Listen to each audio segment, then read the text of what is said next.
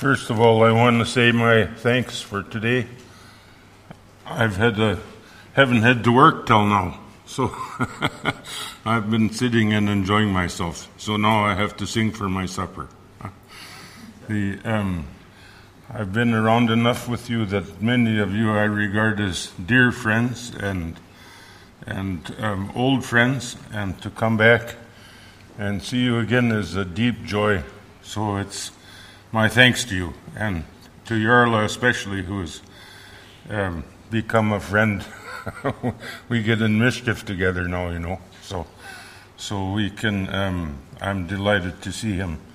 And Jan, what a joy you are!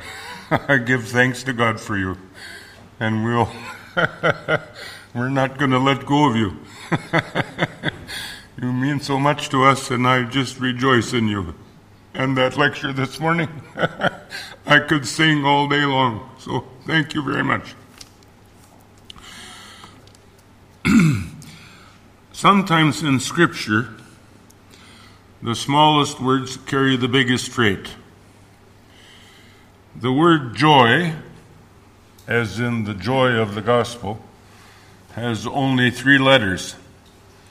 It's short enough in itself. But there are some even smaller words that are critically important to understanding what this joy is, what it feels like, and how it happens to you, and what it means when it erupts. Joy is a short word, but when you compare it to words like in and on, it's long and loquacious, huh? The word in is used twice and the word on once. And we're going to go through these uses and we're going to try to parse it out so that we not only talk about joy, but to begin to have a sense of it. I know we joke in the United States about Norwegian immigrants who smile once a year whether they need to or not. Huh? we, we, joke about the Norwegian husband who want, loved his wife so much once he almost told her.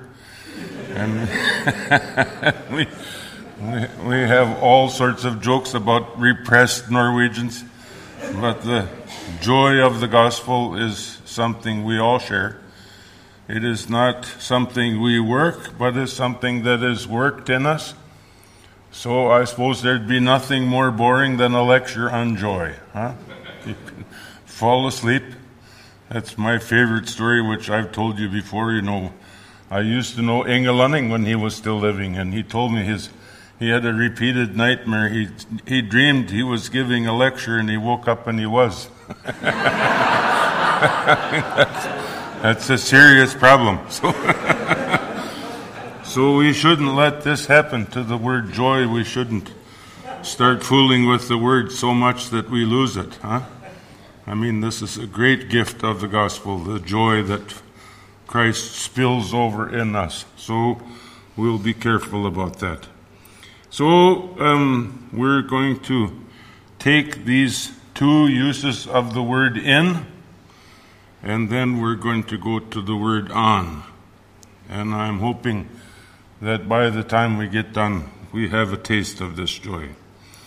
Um, we'll begin um, with a very important passage to this discussion that is in Philippians 4. Rejoice in the Lord always. Again, I say, rejoice. The first time that I ever preached on this passage was the day after the birth of my first son who's now 46. Can you imagine? And so um, that it was easy to speak of joy on a day like that. But this is a different kind of joy. When the Apostle Paul first wrote this passage, he was in prison. And that right away tells you that something different is going on here. This is not a rah rah kind of joy of excitement or of quick satisfaction. This is a deeper joy that is anchored way deeply in Christ. And so we have to begin here with a recognition that something different is happening. This is not the joy of kids getting out of school. This is not the joy of vacation. This is the joy that happens in trouble when you are confronted and when everything starts to fall apart. It's, it's a joy that expresses itself behind prison bars, and a joy, therefore, that has a deeper anchorage. So, um, already we can tell that much. And when we've gotten that far, we know right away that joy is a gift. It is not something that is manufactured, something that we make or achieve or come to. Joy happens. And when it happens, it's a gift of the gospel that happens to us. And so, with that said, we're going to begin with our three little words the two ins and the on. The first is in that passage itself Rejoice in the Lord. Rejoice in the Lord always. Again, I say rejoice. Let all men know your forbearance, your confident, joyful suffering, for the Lord is at hand. Hmm? So um, we have to look at what is being said with the word in Christ, in the Lord. First of all, Christ Jesus is, is Lord, is there, Jesus is Lord, is one of the earliest creeds of the Christian church. The first and most basic creed Jesus is Lord. It arises from the resurrection. So, Paul says early in Romans, Jesus was designated Son of God by the Spirit of holiness that raised him from the dead. He was manifest as Lord by the resurrection. We first found out that he was Lord when he came out of the empty tomb and confronted the women, and when he came and showed himself to the disciples. Now we know hmm, that he alone, out of all living beings, has death behind him he can say, When I died, and reminisce hmm, about what happened when he died, because he has been raised from the dead, and death has lost its grip on him, its hold on him. And so the imagery of Scripture is like, like a giant uh, diaphragm, like a giant membrane that covers all of us. It opens up enough to give us room to breathe, but as we age and as we lose our capacities, it closes in and closes in until finally breath stops and death grips and we go down. It's a power that is loose in the creation it's a power that only Christ Jesus has tamed, and so we know it to be a power that stalks and hunts, that erupts with surprise and takes hold of people. The first time I had to deal with it seriously as a pastor, I performed a wedding for a 19 year old girl. At the wedding, her, her father disappeared from the receiving line. I found him sitting in his pickup, smoking a cigarette. I took him into my office to help him, and when his wife came to get him, he dropped dead on the floor of my office. Hmm. Out of nowhere, death struck, and so I stood holding a 19 year old girl in her wedding dress as she screamed, her fear and loss. Huh? That's death. It comes quickly, it comes suddenly, sometimes it comes slowly, it comes inevitably, but when it comes, it comes as a huge interruption. And when it interrupts, it's, it spreads grief like oil on water. It just won't stop. It compounds itself over and over again. And so we catch glimpses hmm, of the power of death. And in the resurrection, we see hmm, the power of one who has defeated death, who has risen, who looks back at it with contempt and says, Thought you had me, didn't you? Huh? Who looks back at death and mocks it and teases it and says, You had me for the moment, but I got away. Huh? He has death behind him. He has exerted his power over death. And so we see glimpses of his lordship over death in the New Testament. Huh? We see them when he heals diseases. Hmm. He comes upon people who are suffering from various maladies. Huh? They are struggling with their health. They are struggling to survive, and Jesus perform, delivers them. Huh? He has power to do that. You remember that lady huh, who thought he was a magician? She snuck out, up behind him in the crowd and she touched his garment and she felt he felt some power leave. He turned around and said, "Who touched me?" And his disciples started joking. They said, "You're in a crowd. If you don't want to be touched, be careful." Huh? But he knew, and she knew, and so she came round, huh? And she said, "I was the one." And when he, when she said, "I was the one," he said, "Your faith has made you well." Think of it. Hmm? She had suffered from a flow of blood. She had been unclean for years, and now she is whole. He has power hmm, over death. He healed that woman. He has power over nature. Huh?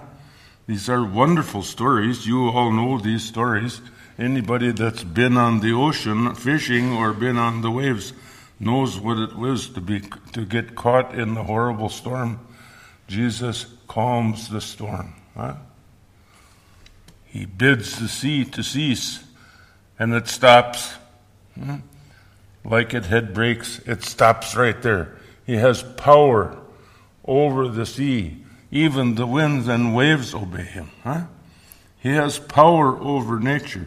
He is, he is the Lord of all. And because of that, nothing stops him. Huh? Even death has to back off. Hmm? It takes him, but Christ Jesus, or the, the God forces death to let him go. Huh? He comes forth in the resurrection. And so he has power. He is the Lord of all. He has authority. Hmm? He is able to command the wind and the waves. He commands disease. He commands life. He heals and blesses. And so we see little eruptions of joy through his whole ministry. Huh? People come who have been suffering and they leave dancing. Huh? They leave delighted because finally what they didn't dare to hope for has happened. You are in him. This is the miracle of all. You are in the Lord. And so this word describes where you stand. It describes your, your position. This is your identity. You are in the Lord. Now, this is a different way of speaking that we don't commonly use anymore, but you understand it right away. To be in the Lord is to be under His protection under his safekeeping. To be in the Lord hmm, is to belong to him. I've tried different images. Maybe I could say to be in the Lord is to have his credit card. Huh? You have his power, his authority, and you are in him. Huh? And so you are in the one who commands disease, who commands the winds and the waves who is able to force death to let him go. You belong to him. And so you are under his protection. And when death leers at you and threatens and takes the one you love, you turn to Christ Jesus and you say, Did you see what happened? I am in you. Hmm? Take care of it. And sometimes, in fact, huh, he shows his power chiefly at those times by helping us deal with what would otherwise, otherwise be overwhelming. Huh? He comes and graces and gives and bestows. He is in. We are in Him. Many years after I buried that man who died at his wedding, his daughter's wedding, the congregation that I served on the west coast of the U.S. invited me to come back for a visit. It was a long ways. I drove into town and I went right past the church and I went up to the cemetery and I went straight to his grave. Hmm. I stood there thinking I was all alone. and suddenly I heard a voice say, Hi, Jim. I knew you'd be here. It was his wife who was waiting for me right there. And we stood together at the grave and gave thanks for him. Huh? We had our own little dance over the power of death because the power of the resurrection enabled us to stand in the face of what neither one of us could possibly accept. Huh? We were healed by Christ Jesus. That's just like him. He brings an end, he fulfills and delivers. And so we are in him, and because we're in him, we turn to him at times like this and we say, If you're going to be my brother, big brother, you better get busy. If you're going to help me, I need it right now. We ask him to provide for us, and when we ask him, he says, Of course because we're in Him, because we belong to Him, because He is ours and we are His. So, being in Him started when you were baptized. That's where you were joined to Him. Your parents brought you, your grandparents maybe, huh? An uncle or an aunt. They brought you to the font. And when they, they brought you to the font, the pastor said, I baptize you in the name of the Father and of the Son and of the Holy Ghost. There your whole life changed. Hmm? There you were grafted into Christ. There you became part of Him. There you became one of His. Huh? We have a big miracle that's happened in our family my son, who lives down in Frankfurt, just outside of Frankfurt, he and his wife hmm, are going to give birth this December to identical twins. So our whole family is in an uproar.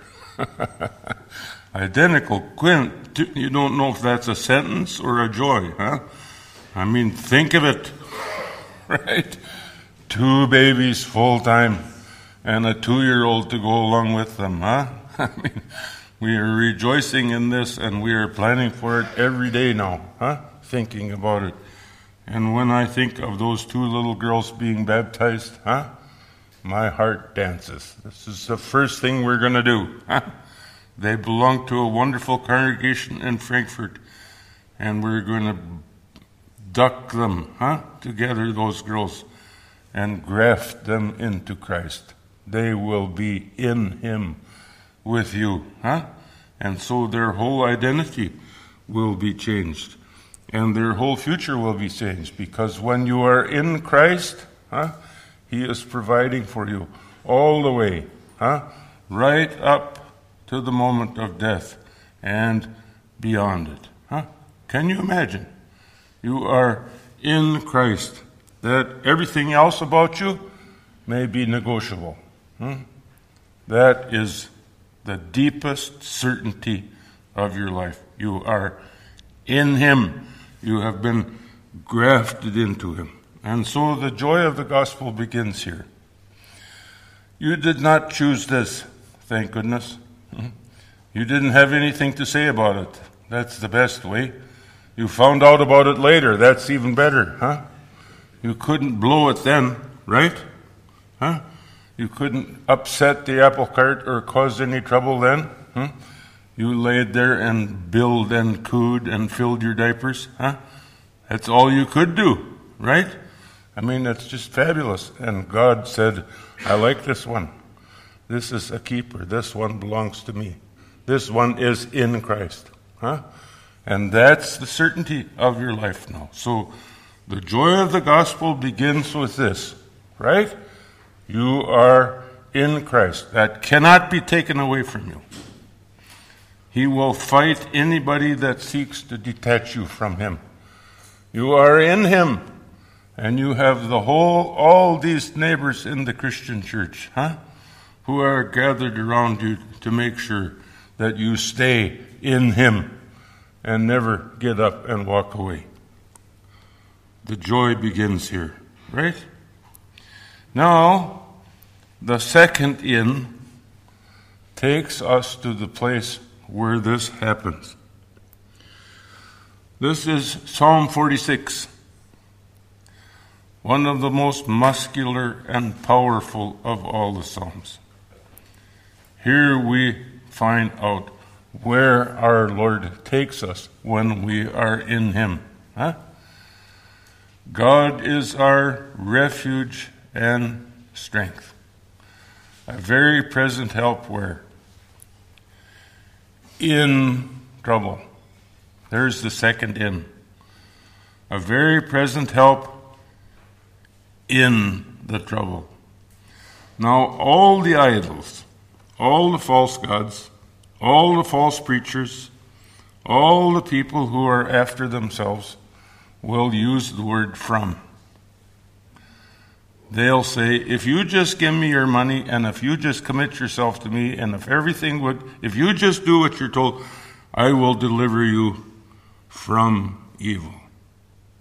Only God says, I will deliver you in trouble because only God is capable, capable of delivering you there. What do you know about the story of Jesus? He's in trouble from the very start. He's barely got his feet on the ground and he's barely begun his ministry when he's in trouble. The Pharisees and the Sadducees and all the rest of them are looking to put him out of business. They're coming to investigate, huh? False teaching they're trying, they're coming to stop him, to prevent him from doing his work. He's in trouble. The whole story is full of trouble. And the whole story goes, huh, to an inevitable end. One of the great German biblical scholars called it a passion story with a long introduction. Huh?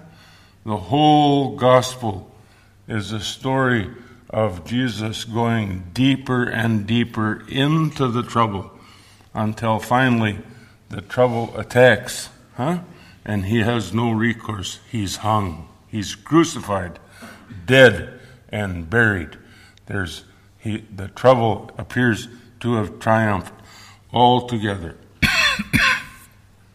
so, where do you look for Jesus?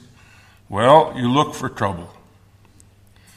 Because he is Lord of all, he is under constant attack. And that attack is no accident. It's the attack of the evil one, whose desire and whose will is to corrupt the earth, hmm? to hold the earth captive to himself. And so the first thing that happens to Jesus after he's baptized is what? The devil meets him in the desert to tempt him. These are the most diabolical temptations. Huh? If you are the Son of God, let these stones become bread. Well, we tend to think, well, he's testing him to see if he can make bread out of stones. No, no, no, no. The temptation is in this word, if. If you are. Jesus has just heard the voice from heaven Huh? This is my beloved Son, with whom I am well pleased. The silence has barely resumed when he hears another voice, if you are. If you are what that voice said you are, then let these stones become dread. These are diabolical temptations. Just as the devil tempted Eve and defeated her and made mincemeat out of Adam, huh? He tempts Christ Jesus. Luther used to say, huh? Lest we men get swell headed, that the reason that God went to Eve rather than to Adam was because he knew Adam would be too easy. Huh? Adam was hungry. Hmm? All he could see was an apple, even with Eve standing there uncovered. All he could see was an apple, right? He's hungry, huh? Can you imagine? Beautiful Eve, the first woman, and all Adam can see is apples, huh? This is not a sign of intelligence, right? no, no, no. The devil tempts, tempts, tempts Eve because at least she's challenging. Huh? She's tough. She's the challenge. She believes. She has faith. And she should have been able to defeat him. But you know what the devil did? He led her from believing in the word to believing in her own believing. She led, he led her to the Beta. He led her to her own piety. He asked her, Do you really believe? And she believed that she believed. That's thin ice. We don't believe that we believe, we believe in Christ Jesus. That's the joy of the gospel. But when you start believing in your own believing, you're leaning on your own staff. And pretty soon you get punctured by it. That's what happened to Eve. And when she went down, it was short work for Adam. Huh? You want, you want an apple? he didn't even need apple cobbler or any nice apple sauce or apple juice. He, she offered him the apple and he was gone. Huh? I mean, this is not a story of any great faith. This is faith being overwhelmed. This is faith being destroyed. This is faith falling. This is the beginning. This is the beginning of the whole human tragedy. They turn from God to themselves, and when they turn from God to themselves, they're lost. They're stuck. And so we have conflict. Hmm? his seed and her seed hmm, in conflict. We have God in conflict with the evil one. And then a whole history of disasters all the way through Genesis. Hmm, all the way till Genesis 11 when God calls Abraham and Sarah to make them the father and mother of a great nation. Hmm. They're in trouble the whole way. Cain and Abel, Adam and Eve, huh? the Nephilim, huh? angels who can't keep to themselves, huh?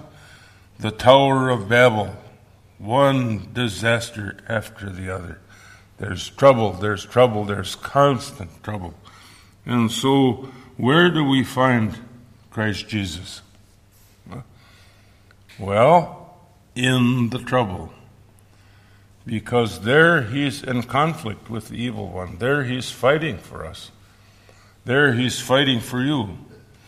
There he's trying to win you back. Huh?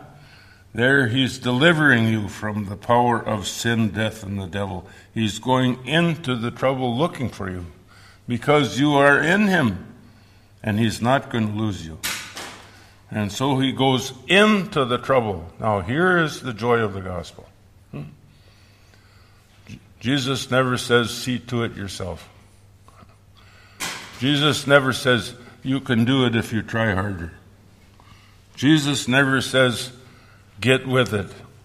Jesus goes into the trouble, and going into the trouble delivers from the trouble. He delivers in the trouble so that we can live and in confidence and hope.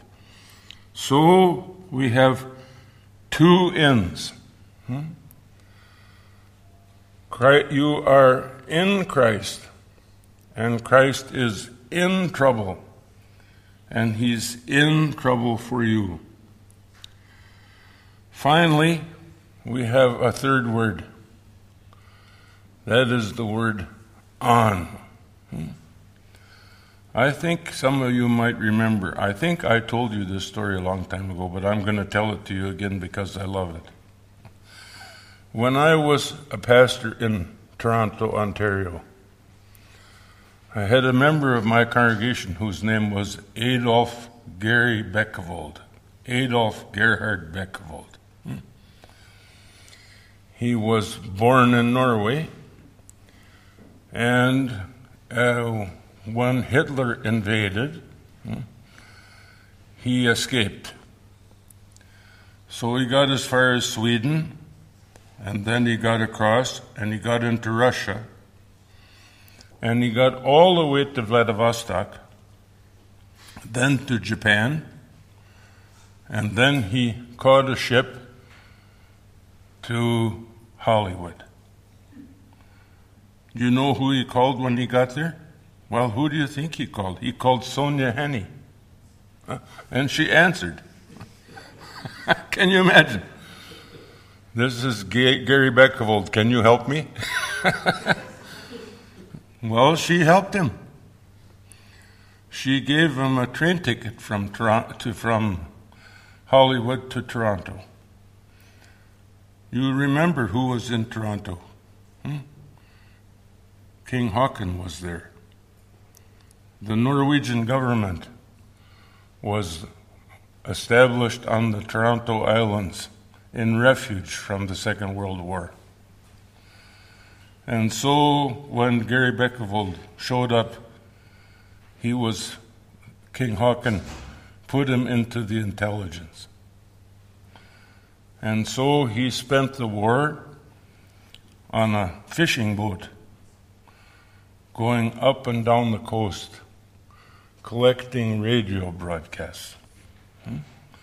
And he trans and he would t- type out these radio broadcasts because they were from underground resistance. They were from the resistance, from those who were fighting the Nazis. And so he, t- he knew the codes and he typed them out.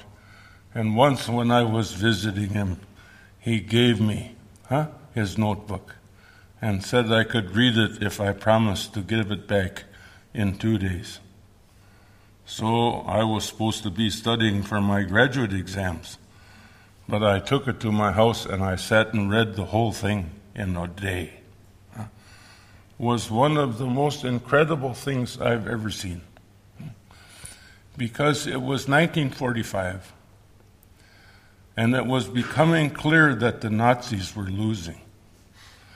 And those underground operators, those radio operators who were sending the message, were alive with hope.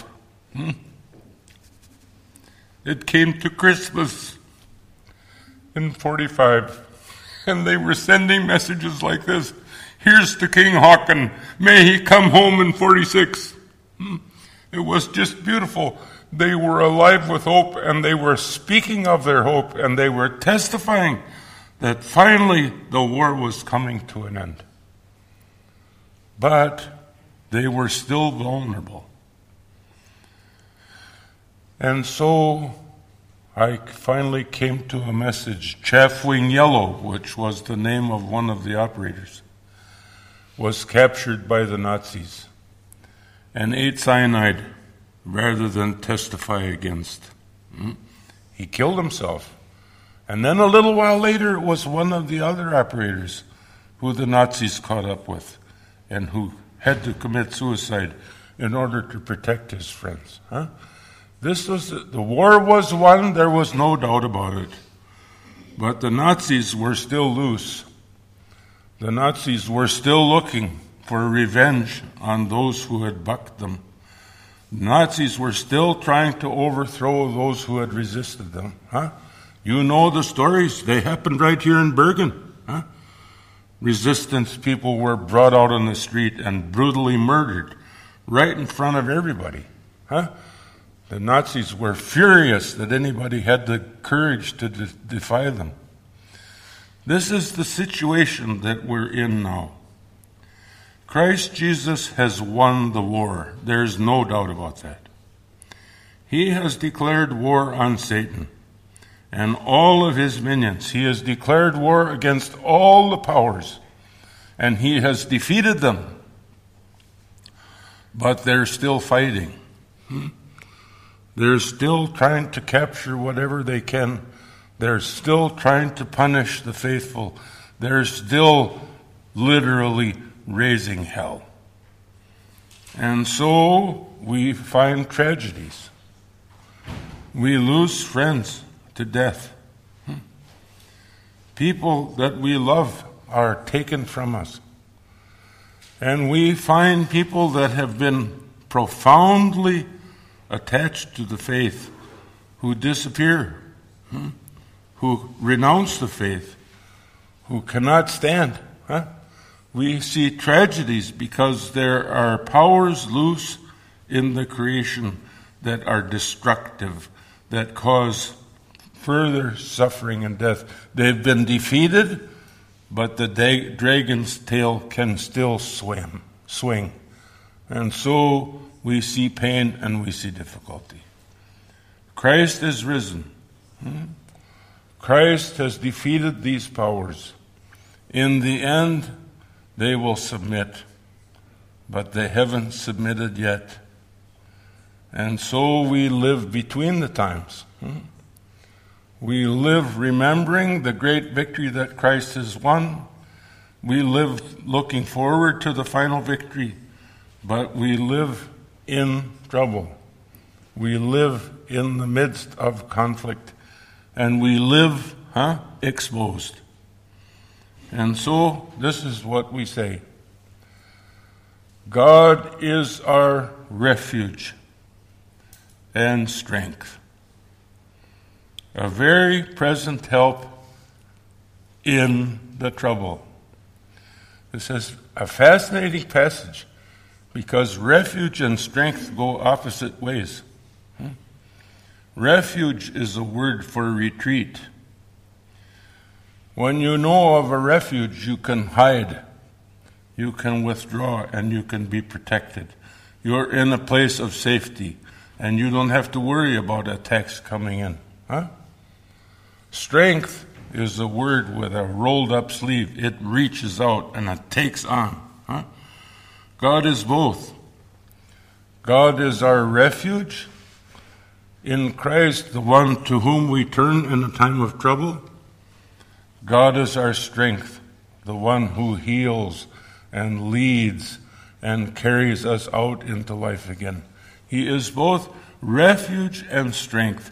And because of that, he is a very present help in the trouble. Huh? So, you have a place to turn. You are in Christ. And when the trouble comes, He has refuge for you. Hmm? He has refuge for you. There are neighbors, there are people who love you and care for you and will stand with you on, in the trouble. Hmm? He also has people of strength. Huh? people who will come to you and say, It's time to go. Huh?